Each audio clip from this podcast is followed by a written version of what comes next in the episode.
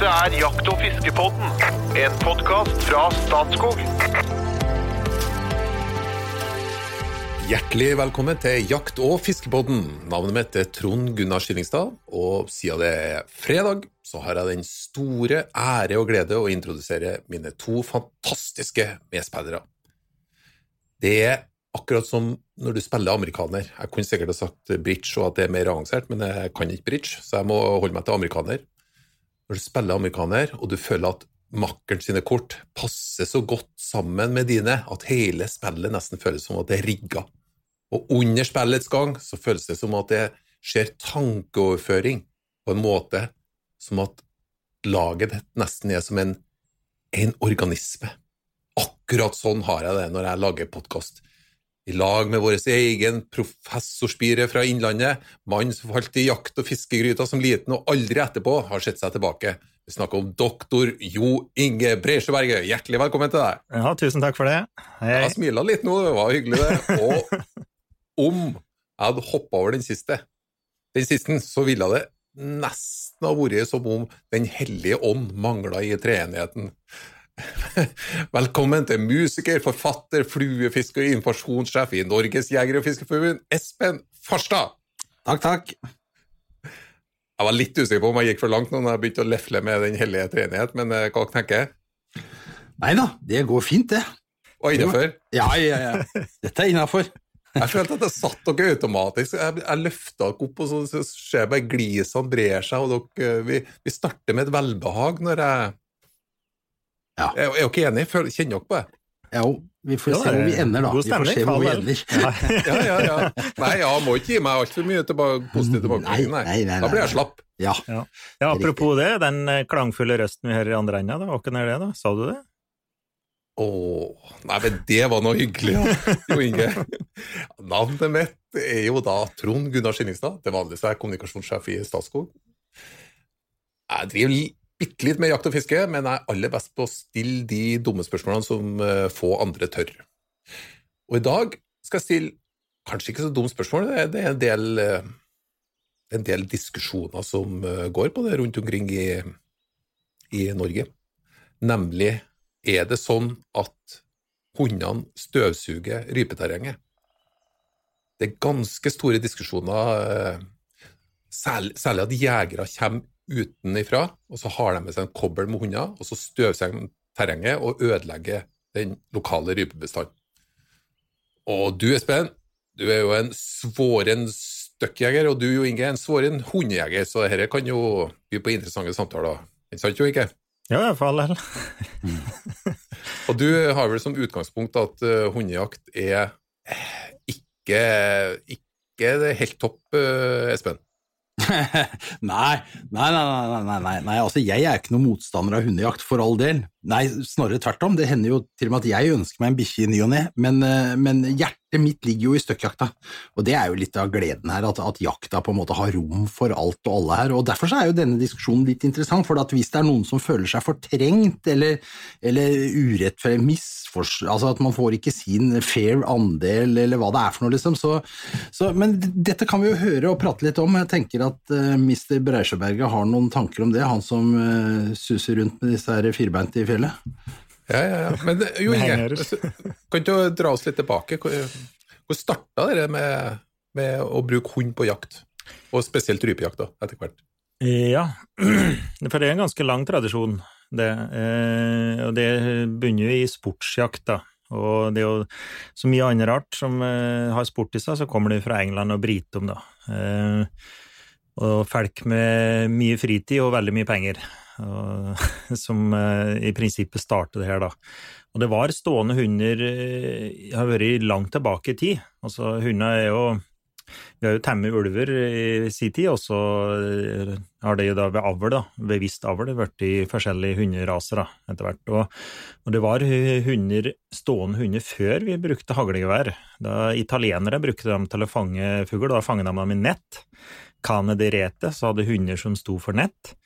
Og i Spania hadde de pera perro de punta, altså pekende hunder, som eh, brukte Og spanjoler var de første til å, å utvikle måte det moderne haglegeværet, da. Og så var Britom der og, og hjalp til i den spanske arvefølgekrigen av tidlig 1700-tallet, og så dette her, da. Og så tok de med seg det tilbake. Det var jo typisk eh, overklassen da, som hadde med seg det her tilbake til eh, de britiske øyer, og så begynte å dyrke det her, da. Og det hadde da en appell da, i det litt høyere laget av befolkningen i, i Storbritannia. Og de begynte òg med oppdrett, og hadde drivjakter, ikke sant, den store jakten. Og, og kong Georg den femte i England, han var en veldig pasjonert jeger, og inviterte da sosieteten til sitt gods da, i Sandringham. Og det er som kjent, og den kjente jakta gjennom den dag i dag, ikke sant.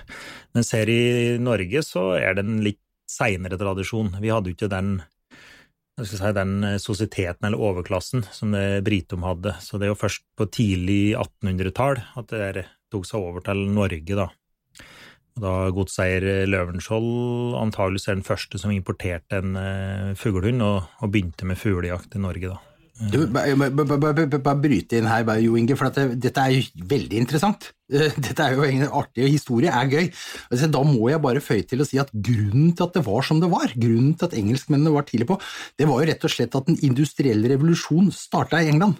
Ja. Eh, og i etter, når man industrialiserte samfunnet, så fikk man jo en, en, øvre middelklasse og en overklasse med tid og penger, som du sier. Og det mm. skjedde omtrent 100 år etter i Norge, og det sammenfaller helt med det du sier. ikke sant? Mm. At det blir først ut på 1800-tallet at vi kommer på banen her. Unnskyld, det var bare en liten historieleksjon fra Farstad her. Det, ja, nei, men jeg, jeg, jeg, sa ikke det, for det, er jo, det, er jo det som er bakgrunnen her. Da, ikke sant? Den industrielle revolusjon og ufattelig rikdom da, blant noen få, ikke sant? Og, som òg hadde god tid. Og det var de samme antageligvis òg som kom og fiske laks og jakte rein og hele pakka, da. Men, eh, så, når du, så, når du, jakter med stående fuglehund i dag, så står du på skuldrene til tusener på tusener av fattige industriarbeidere, bare så du er klar over det, da? Ja. ja. Det er bra du minner meg på det. Jeg fører en, en stolt arv videre. Ja. Unnskyld, det var et sidespor. Så var det jo Vi har pratet så vidt om gamle forsmester Barth. JB Barth han var en mm. dyktig fyr. Han var jo zoolog, og han var jeg vet ikke alt, han hadde veldig høyt utdannet, og gjorde òg skogundersøkelser og farte rundt da, med hund og munnlader. Og han var en ekstremt dyktig jeger, og jakta med og hadde hund. Han hadde noe som ligner vår Gordon-setter i dag. Eh, og han eh, var stilig, han var flink, ikke sant? han var vitenskapsmann og førte dagbok og skrev ned dagsfangster, og han skjøt på alltingen, da. Og han rapporterte om dagsfangster på 50-80 ryper i de gode åra.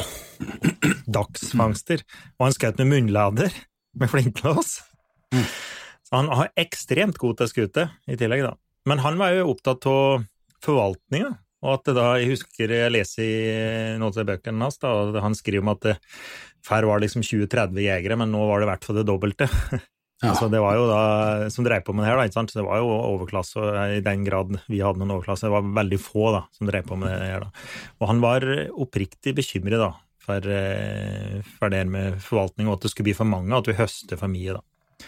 Men det er liksom det opptakten, og det er vel kanskje først var, altså, Han, han skjøt 50-80 ryper per dag, men så begynte å bli litt bekymra når det ble mange jegere? Ja, ja, ja. Men han var oppriktig bekymret, for, for, det er klart, den gangen det var litt annet natursyn enn det vi har i dag. Da, og den gangen så var det enorme Det var liksom rovviltkrig ikke sant, og enorme bestander i de gode åra. Han skrev jo om det, han var oppe på Kongsvoll, som regnes som kanskje det har vært det, liksom det råeste terrenget, rypeterrenget i Norge. Og han skrev om at han gikk en hel dag der uten å skremme opp mer enn ei rype. Altså i de samme åra her, da. Ikke sant? Det var jo noe skikkelig, skikkelig topp og skikkelig batten, da. Sånn. Men det er kanskje først så langt som inn på 70-tallet at det, det, her virkelig tok til og ble mer eller mindre en felkeaktivitet i Norge. Altså det er ganske seint, slutten på 60, kanskje inn på 70-tallet, først det liksom ble ordentlig sving på oppdrett og, og ble litt mer felkesport i Norge, da. For særlig er det så at felkeaktivitet da, for, for vanlige folk. Så støkkjakta var helt dominerende, egentlig, helt til for 50 år siden? Ja, var det. Og det er klart, det går litt lenger tilbake i tid, så hadde du ikke folk tid, verken tid eller råd heller, for så vidt. Mm. Patroner var dyrt, ikke sant, du hadde ikke så mye fritid. Så det å skute på fugler i flukt, som var ganske usikkert, kontra det å snarefange dem, eller skute dem som satt på bakken, eksempel, eller på kvist, eller her det måtte være, så, så det har jo skjedd noe her, en, en rivende utvikling, da. Det var det. Eh, Fram til i dag, da, som det er eh, jeg føler ikke nødvendigvis at det bærer de stolte engelske tradisjoner videre akkurat i dag. Det har, det har skjedd en utvikling her, da. Vet du noe om hvor stort det er i dag? Eh, Fra 70-tallet til 2020, liksom? Hva, hva har skjedd? Ja, ehm, for vi har litt, litt data på det. Jeg har jo spurt mine jegere, og vi ser at det kommer lenger sør i landet, så er det flere som jakter med hund enn nordpå. Altså andelen er høyere i Trøndelag og sørover enn den er i Nordland og nordover. Så at eh, når jeg sjekker på mine jegere, så var det ca. 40% av dem som jakter med hund i Nordland og Troms. Mens den andelen er litt høyere, litt over halvparten når du kommer er Trøndelag og sørover. det er ikke mer, altså. Så halvparten er støkkjegere. Ja, det er det. Og, og faktisk mer enn halvparten når det kommer i Nord-Norge og Troms. Eller altså i hele Nord-Norge. Mm. Mm. Så det jeg sjekket, yes. da. Jeg hadde tippa mye høyere andel bikkjer, altså. Ja, så da, og Johan B. Steen, når han skrev eh, den rypeboka si, så prata han om at det var ca. 100 000 jegere som jakter, og ca. 10% med hund, sa han.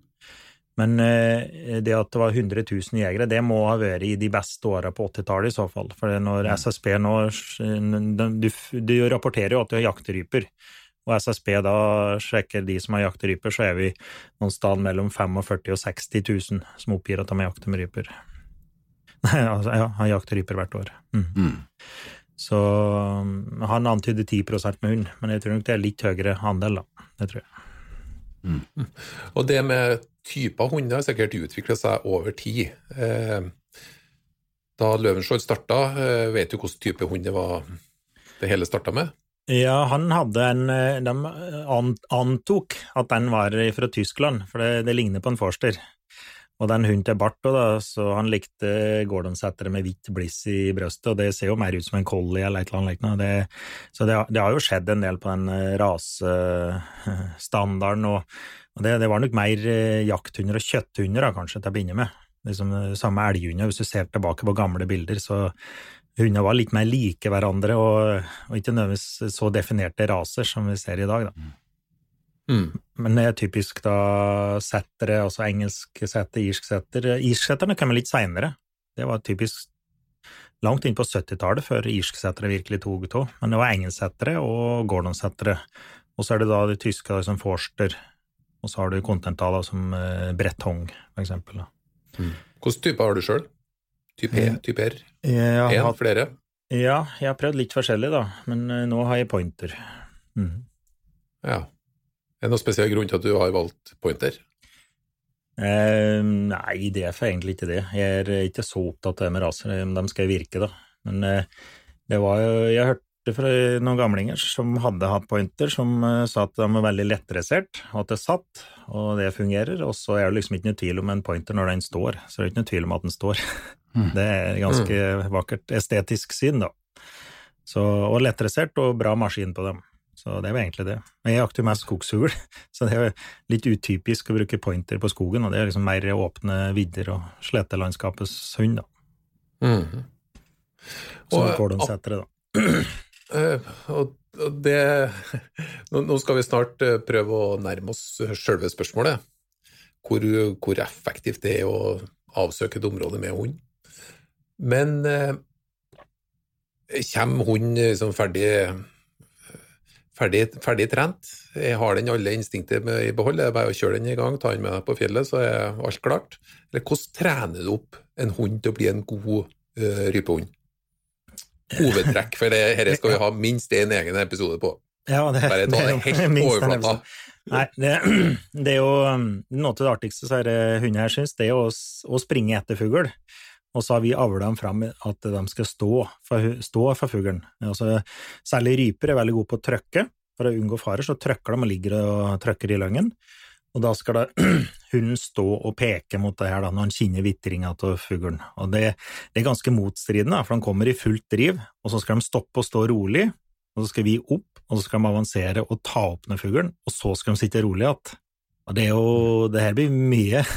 De er jo forholdsvis enkle sjeler, disse hundene her. Mhm. Så det, det er ganske mye for en hund å ta inn over seg, og selv de beste hunder ramper på, på, en vanlig dag, altså. Så det, det, å få alt av det til å sitte, at det søkt ganske vidt søk, stoppe og stå for hund, nei, stå for uh, rypa, og så skal de da reise rypa, og så være rolig i oppflukt og skudd.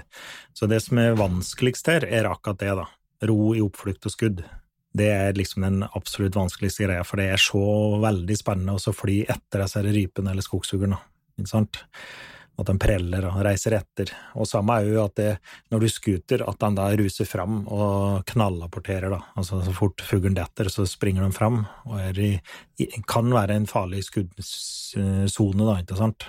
At det flyr opp flere mm. fugler og scooter, og så er plutselig hund i veien der.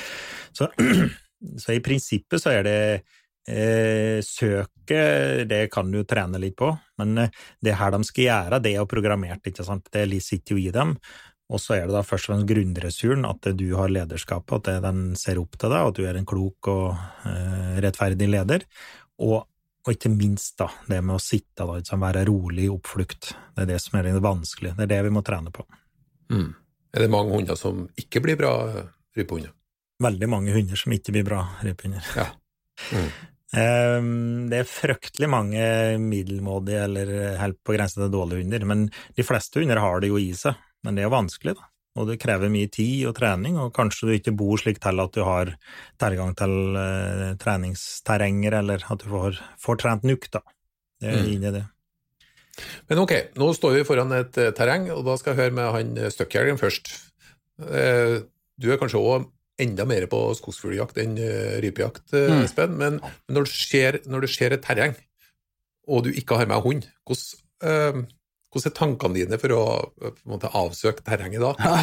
Nei, da må, jo, du må jo tenke da, sånn som jeg sier når vi går på skogsfugljakt, og du må, du må, prøve å være en fugl. Du må tenke som en fugl. og du må tenke, du ser utover den der vidda og tenker hvor, hvor, er, hvor ville jeg vært? hvor ville jeg ha sittet? Og det blir jo til at du søker de litt lysegrønne stedene på fjellet, ikke sant? Altså der hvor, der hvor det er litt vierkratt og nedi søkk og daler, og så må du gidde å gå, da. Det er jo det, Dagsformen til en stakkars støkkseer, den styrer jo på en måte hele, hele jakta, men du må jo du må gå og gå. Og det er jo her, ikke sant. Du ser 400 meter der borte, så ser du ei li da, med litt lysegrønt, og du tenker at her ser det fint ut, jeg får gå dit. Og så kommer en eller annen bikkjejeger og bare slipper bikkja, og den bikkja er der på 20 sekunder, ikke sant? Og du har egentlig planlagt en halvtime over det, dette er, det er der den der, det er der den derre følelsen av at Ja, men i, nå skulle jo jeg! Ikke sant? Ja. Så det, det, det, er nok her det ligger litt av kimen til eh, konflikten her, sånn. Men, eh, men jeg syns det, det, er jo en litt sånn det, det, er egentlig en gammelmodig problemstilling. For det at eh, det er jo fra den tida hvor du kjøpte et jaktkort på rype, og så kunne du skyte så mye rype som du klarte. Sånn var det jo i prinsippet før, ikke sant?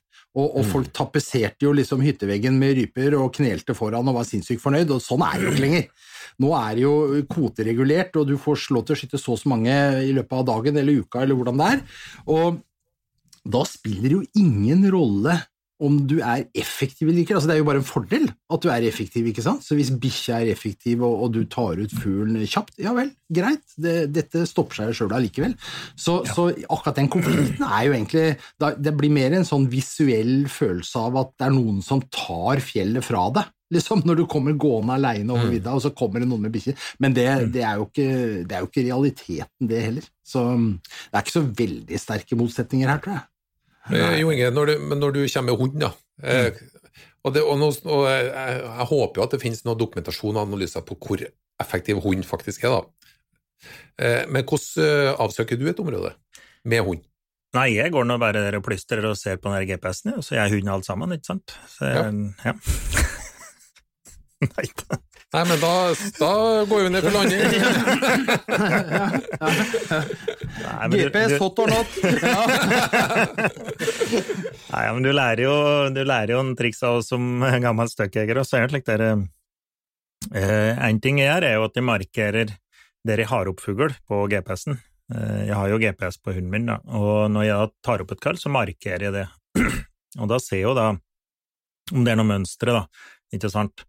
Og med erfaring så lærer du deg liksom her slags terrengtyper da, som har, har eh, ryper oftere enn andre, for det er en terrengfaktor der. Det er noen områder. Eh, hvis, du er kjent i terrenget ditt, så er det noen områder som alltid har ryper, da, og da er det å oppsøke de med hund eller uten hund, det, er- ikke noen stor forskjell på.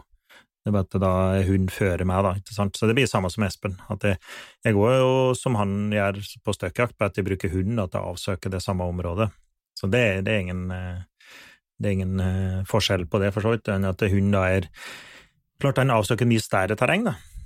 Det er han. Så det er jo en fordel på den.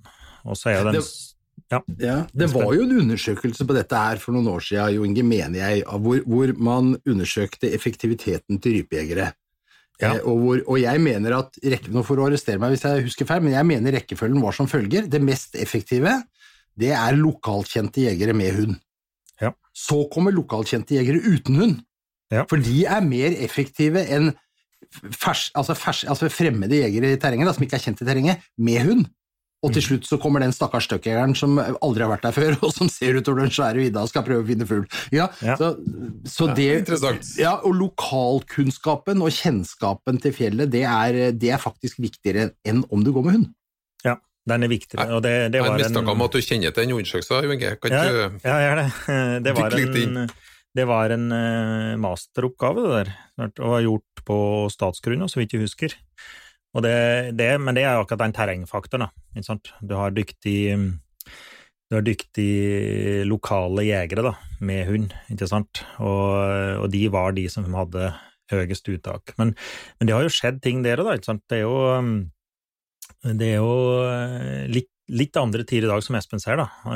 For i til eh, om du kunne skutt mange du ville, kontra at det nå er regulert i all hovedsak, mange du kan ta ut. og da er ikke da hjelper det ikke så mye lenger, da, ikke sant? Og når jeg sjekker hos, i mine undersøkelser, så fant jeg at eh, hundejegere, de hadde noe høyere fangst.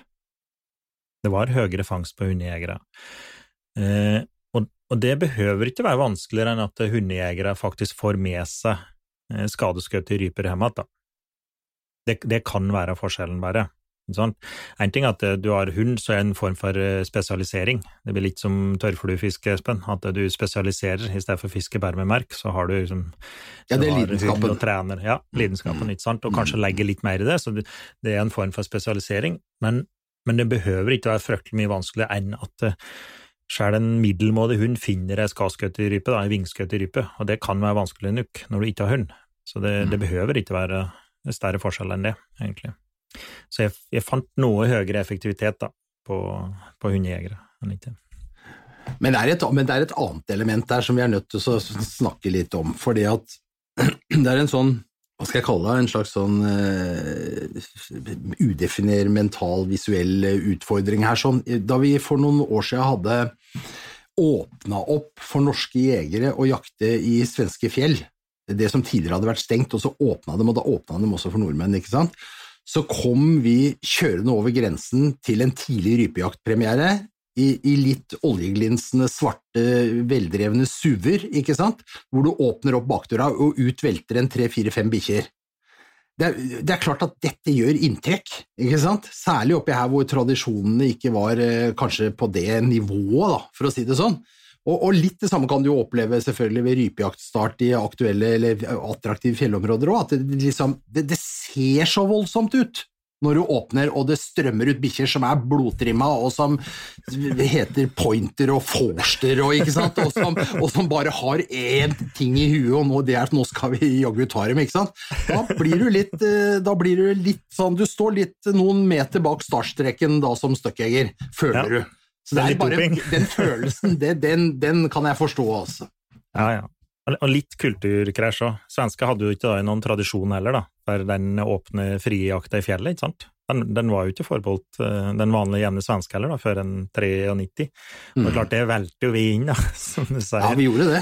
Ja. Og, og selv en dag i dag så er de ikke mer enn ca. 10 000 rypejegere i Sverige, og kanskje ti ganger så mye fjell, da. Altså så, når du ser på fjellterrenget. Og vi er 40 50 60 000 som jakter. Mm. Så er 50 000, så vi har veldig mange jegere, og Og våre fjell er jo ganske hardt utnyttet, da, men svenska har jo ganske god plass. Og det er klart, det kommer vi, som du sier, og invaderer nærmest. Og det var jo sikkert noen episoder der med noen som tok for seg. Ja, det var noen uheldige episoder der, da. ikke sant? Litt det var jo, ja, det var, veldig, det var egentlig veldig synd, for det, det ga jo en sånn bumerangeffekt. Det slo jo tilbake dette her, og, og det ble stengt i perioder, og så kom det guideplikt, og det har vært mye krangling rundt det. Og det er nok mer tufta på hvordan svenskene opplevde at vi kom inn i fjellet, eh, i deres fjell, enn realiteten i forhold til uttak av ryper og liksom effekten av rypejakta. Den var kanskje ikke så stor, men det, var, det føltes nei. sånn. Helt enig. Det var, jo jeg det- var jo plass til oss, og, det var jo, Ja. og jeg så Jegerforbundet argumenterte for at det var store forskjeller i jaktkultur. Ja. Ja. Og det er, ikke, det er jo ikke enorme forskjeller på jaktkultur i Norge og Sverige, det er det ikke. Men akkurat det der, der, det kan jo kanskje si at det er en forskjell, da. Ikke sant? Men så skal jo vi si da at eh, selv jeg som er søkkjeger, at det å jakte med hund, det øker jo på en måte humaniteten i jakta. Som du sier, det er lettere å få fatt i skadeskutt fugl. Eh, Det er en effektiv måte å jakte på, og det er vel bra, det. Mm. Effektivitet Men det, men det er ikke, henger et li... ja, Men, ja, nei, jeg skjønner. eh, Vi har jo snakka litt om, om at du ønsker å gjøre det så enkelt som mulig. Og det er vel det så ukomplisert som mulig, og så, Mm. så lite forstyrrelse som mulig når du er på jakt. Så du har nå din hang eh, Mm. som en hund sikkert ville ha forstyrra litt mer, da. Mm. ja. Altså, jeg har jo jakta med hund noen ganger, jeg har også vært med for så vidt flinke folk med, med bikkjer og sånn, og jeg, jeg, jeg forstår det der samspillet med hunden og gleden, og jeg ser jo nytten, men, eh, men eh, jeg syns jeg, jeg, jeg mister noe underveis da, men nå, da, nå rister jo alle hundefolk på huet og sier at jeg har ikke skjønt noen ting, og det har jeg vel kanskje ikke, da. Det er mulig, det. Det er ingen kommentar på det, men vi går, vi går. Nei, men det er jo igjen, det er jo det der eh, aspektet akkurat der da, kanskje som er det viktigste. En ting er at du får stort sett får noe, du får bedre sjanser, for du er mer forberedt når hunden faktisk finner fuglen før deg, ikke sant? Så at eh, du får noe bedre sjanser. Og så er det akkurat det aspektet om at eh, det skal mye til at jeg ikke får med fuglen hjem igjen. Og det, jeg har mistet nok fugl når jeg har gått på støkkjakt, som jeg ikke har fått med meg, som jeg da i dag klarer å få med meg med hund, da, ikke sant? Mm. Og det, der har jo òg svensker og dansker ikke minst et annet forhold da, til det her. eh, Vi, vi har jo ettersøkshunder bare på, på hjortevilt, mens uh, det er en tradisjon da, for at du skal ha tilgang til en apportør eller en hund. Da. Du skal ha med hund på jakt, og det er en litt annen tradisjon. Vi er jo ikke der i Norge. Men svaret på spørsmålet om terrenget blir støvsugd for rype, så er svaret på det jo nei. Hvis jeg Det er har eh, klart- klart nei. forstått dette. Ja. Og, men fortsatt så syns jeg det er litt sånn eh, litt krevende å forstå, fordi at eh, jeg vet at hunder har en fantastisk luktesans, og rypa driver og flytter litt på seg. Eh, Hva er det rypa greier å gjøre til å lure de eh, fantastiske luktesansene som hundene har? Ja, skal jeg begynne? Ja, ja vær så god. Nei, eh, rypen er jo eh, Vi har jo pratet om det før. De har jo er jo, Hjernen er jo ikke veldig stor, og, men de lever jo tross alt ute og driver utendørsidrett og er mange, mange mange generasjoner sant, eh, som har drevet på med dette her. Eh, Og de er ganske gode på det på å lure hund og på å lure predatorer. Samtidig så er det en høy omsetning. Det er ryper dør hele tida, ikke sant, har blir tatt av predatorer. Eh, Så det er jo et enormt arms race, da, et kappløp hele tida mot predasjon.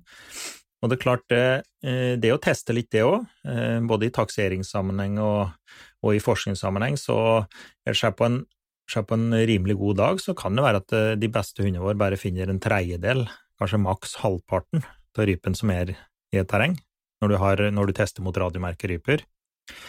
Og det er klart, det, det er jo ikke spesielt imponerende, men, men du kan jo tenke deg i den grad hundene skal støvsuge terrenget, da. Så eh, vi har jo hunder som sever inne i sofaen og, og lever på asfalt eh, store deler av året, og så skal de ut i terrenget, og så skal de funne alt sammen. Da hadde det antageligvis ikke vært noe der fra før. Da hadde reven og målen og de knekt koden og, og på en måte tatt dere rypen før oss, altså. Det, de predatorene våre er jo ekstremt mye bedre enn oss til å finne ryper og, og ta dem. Så, så det, det i seg selv er noen logiske brister. Det, det, ikke, det, hadde, rett og slett ikke gått an. Og jeg, husker vi kjørte Oddgeir Andersen kjørte en uh, undersøkelse blant rypejegere det, det første rypeprosjektet vi hadde, og da var det veldig mange jegere som svarte at de hadde en dårlig opplevelse med hund på jakt, dårligere enn uten. Så det, det er nok en del dårlige hunder der ute. Ja. Men, men, det, men, det, er jo det at de trykker, da. ikke sant? De trykker, eh, og slik sett da eh, prøver å minimere vitring og eh, altså den lufta de slipper ut, og ligger rolig på bakken. Og det er klart, da skal hunden treffe den strengen der de har gått, og finne den luftstrengen til dem for å finne igjen dem. Og det er ikke alltid enkelt, og det er lettere med køll og med kyklinger enn det er med voksenfugl, enslig voksenfugl. Så i de virkelig dårlige åra så det, kan det virke som det er helt tomt for ryper i terrenget, men eh, de er jo der. Det er enslige voksenfugl, og de har mekanismer da, som gjør at de både trykker i områder der kanskje ikke vi leiter, og òg at de eh, ja, ja, rett og slett lufter mindre, da. altså blir vanskeligere å finne. Altså de oppsøker terrenger der det er vanskelig å finne dem. Eh, deler av terrenget, for eksempel. Jeg vet Hans Christian de kjørte et prosjekt Eh, jaktprosjekt på slutten på 90-tallet. Og da i de beste områdene, oppe i Tolga, Vingelen og Os og der, der, eh, jaga, der sprang rypen ut, og så slapp seg ut i noen bratte eh, lier, bratte kanter, som ikke jegere kom etter. Og da slik seg frede seg sjæl, da. Det var en, en, en overlevelsesstrategi. Mm. Så de har alle, alle, mulige måter til å komme seg unna. Så har vi venger, da, som flyr fort òg. Så det er jo bare å ta mm. til venga og så fly et stykke, så, så er jo denne hunden hektet òg ganske kjapt. Jeg, kan jo, jeg, kan jo, fortelle at Jo Inge jo, har jo et relativt høyt kunnskapsnivå på det området her, men jeg har vært med han på jakt, og med pointeren hans. Og den tok stand stadig vekk, den, på fugl som ikke var der. Så eh, jeg visste jo egentlig at svaret var nei. ja, det er ikke bra det, da. Det får blindstander. Men det, det skjer jo òg, ikke sant? Altså, det er jo typisk da Eh, kanskje noe av de verste er gamle voksne æraner, vi skal prate om en annen gang, men de er noe av det verste med hund, for de bare stikker av. Først beiner unna, og så bare stikker dem. Og de trykker ikke så hardt som ryper, da. Ryper trykker mye bedre. Og jeg, jeg leser jeg så et sitat fra Magnus, Magnus Berfots saga.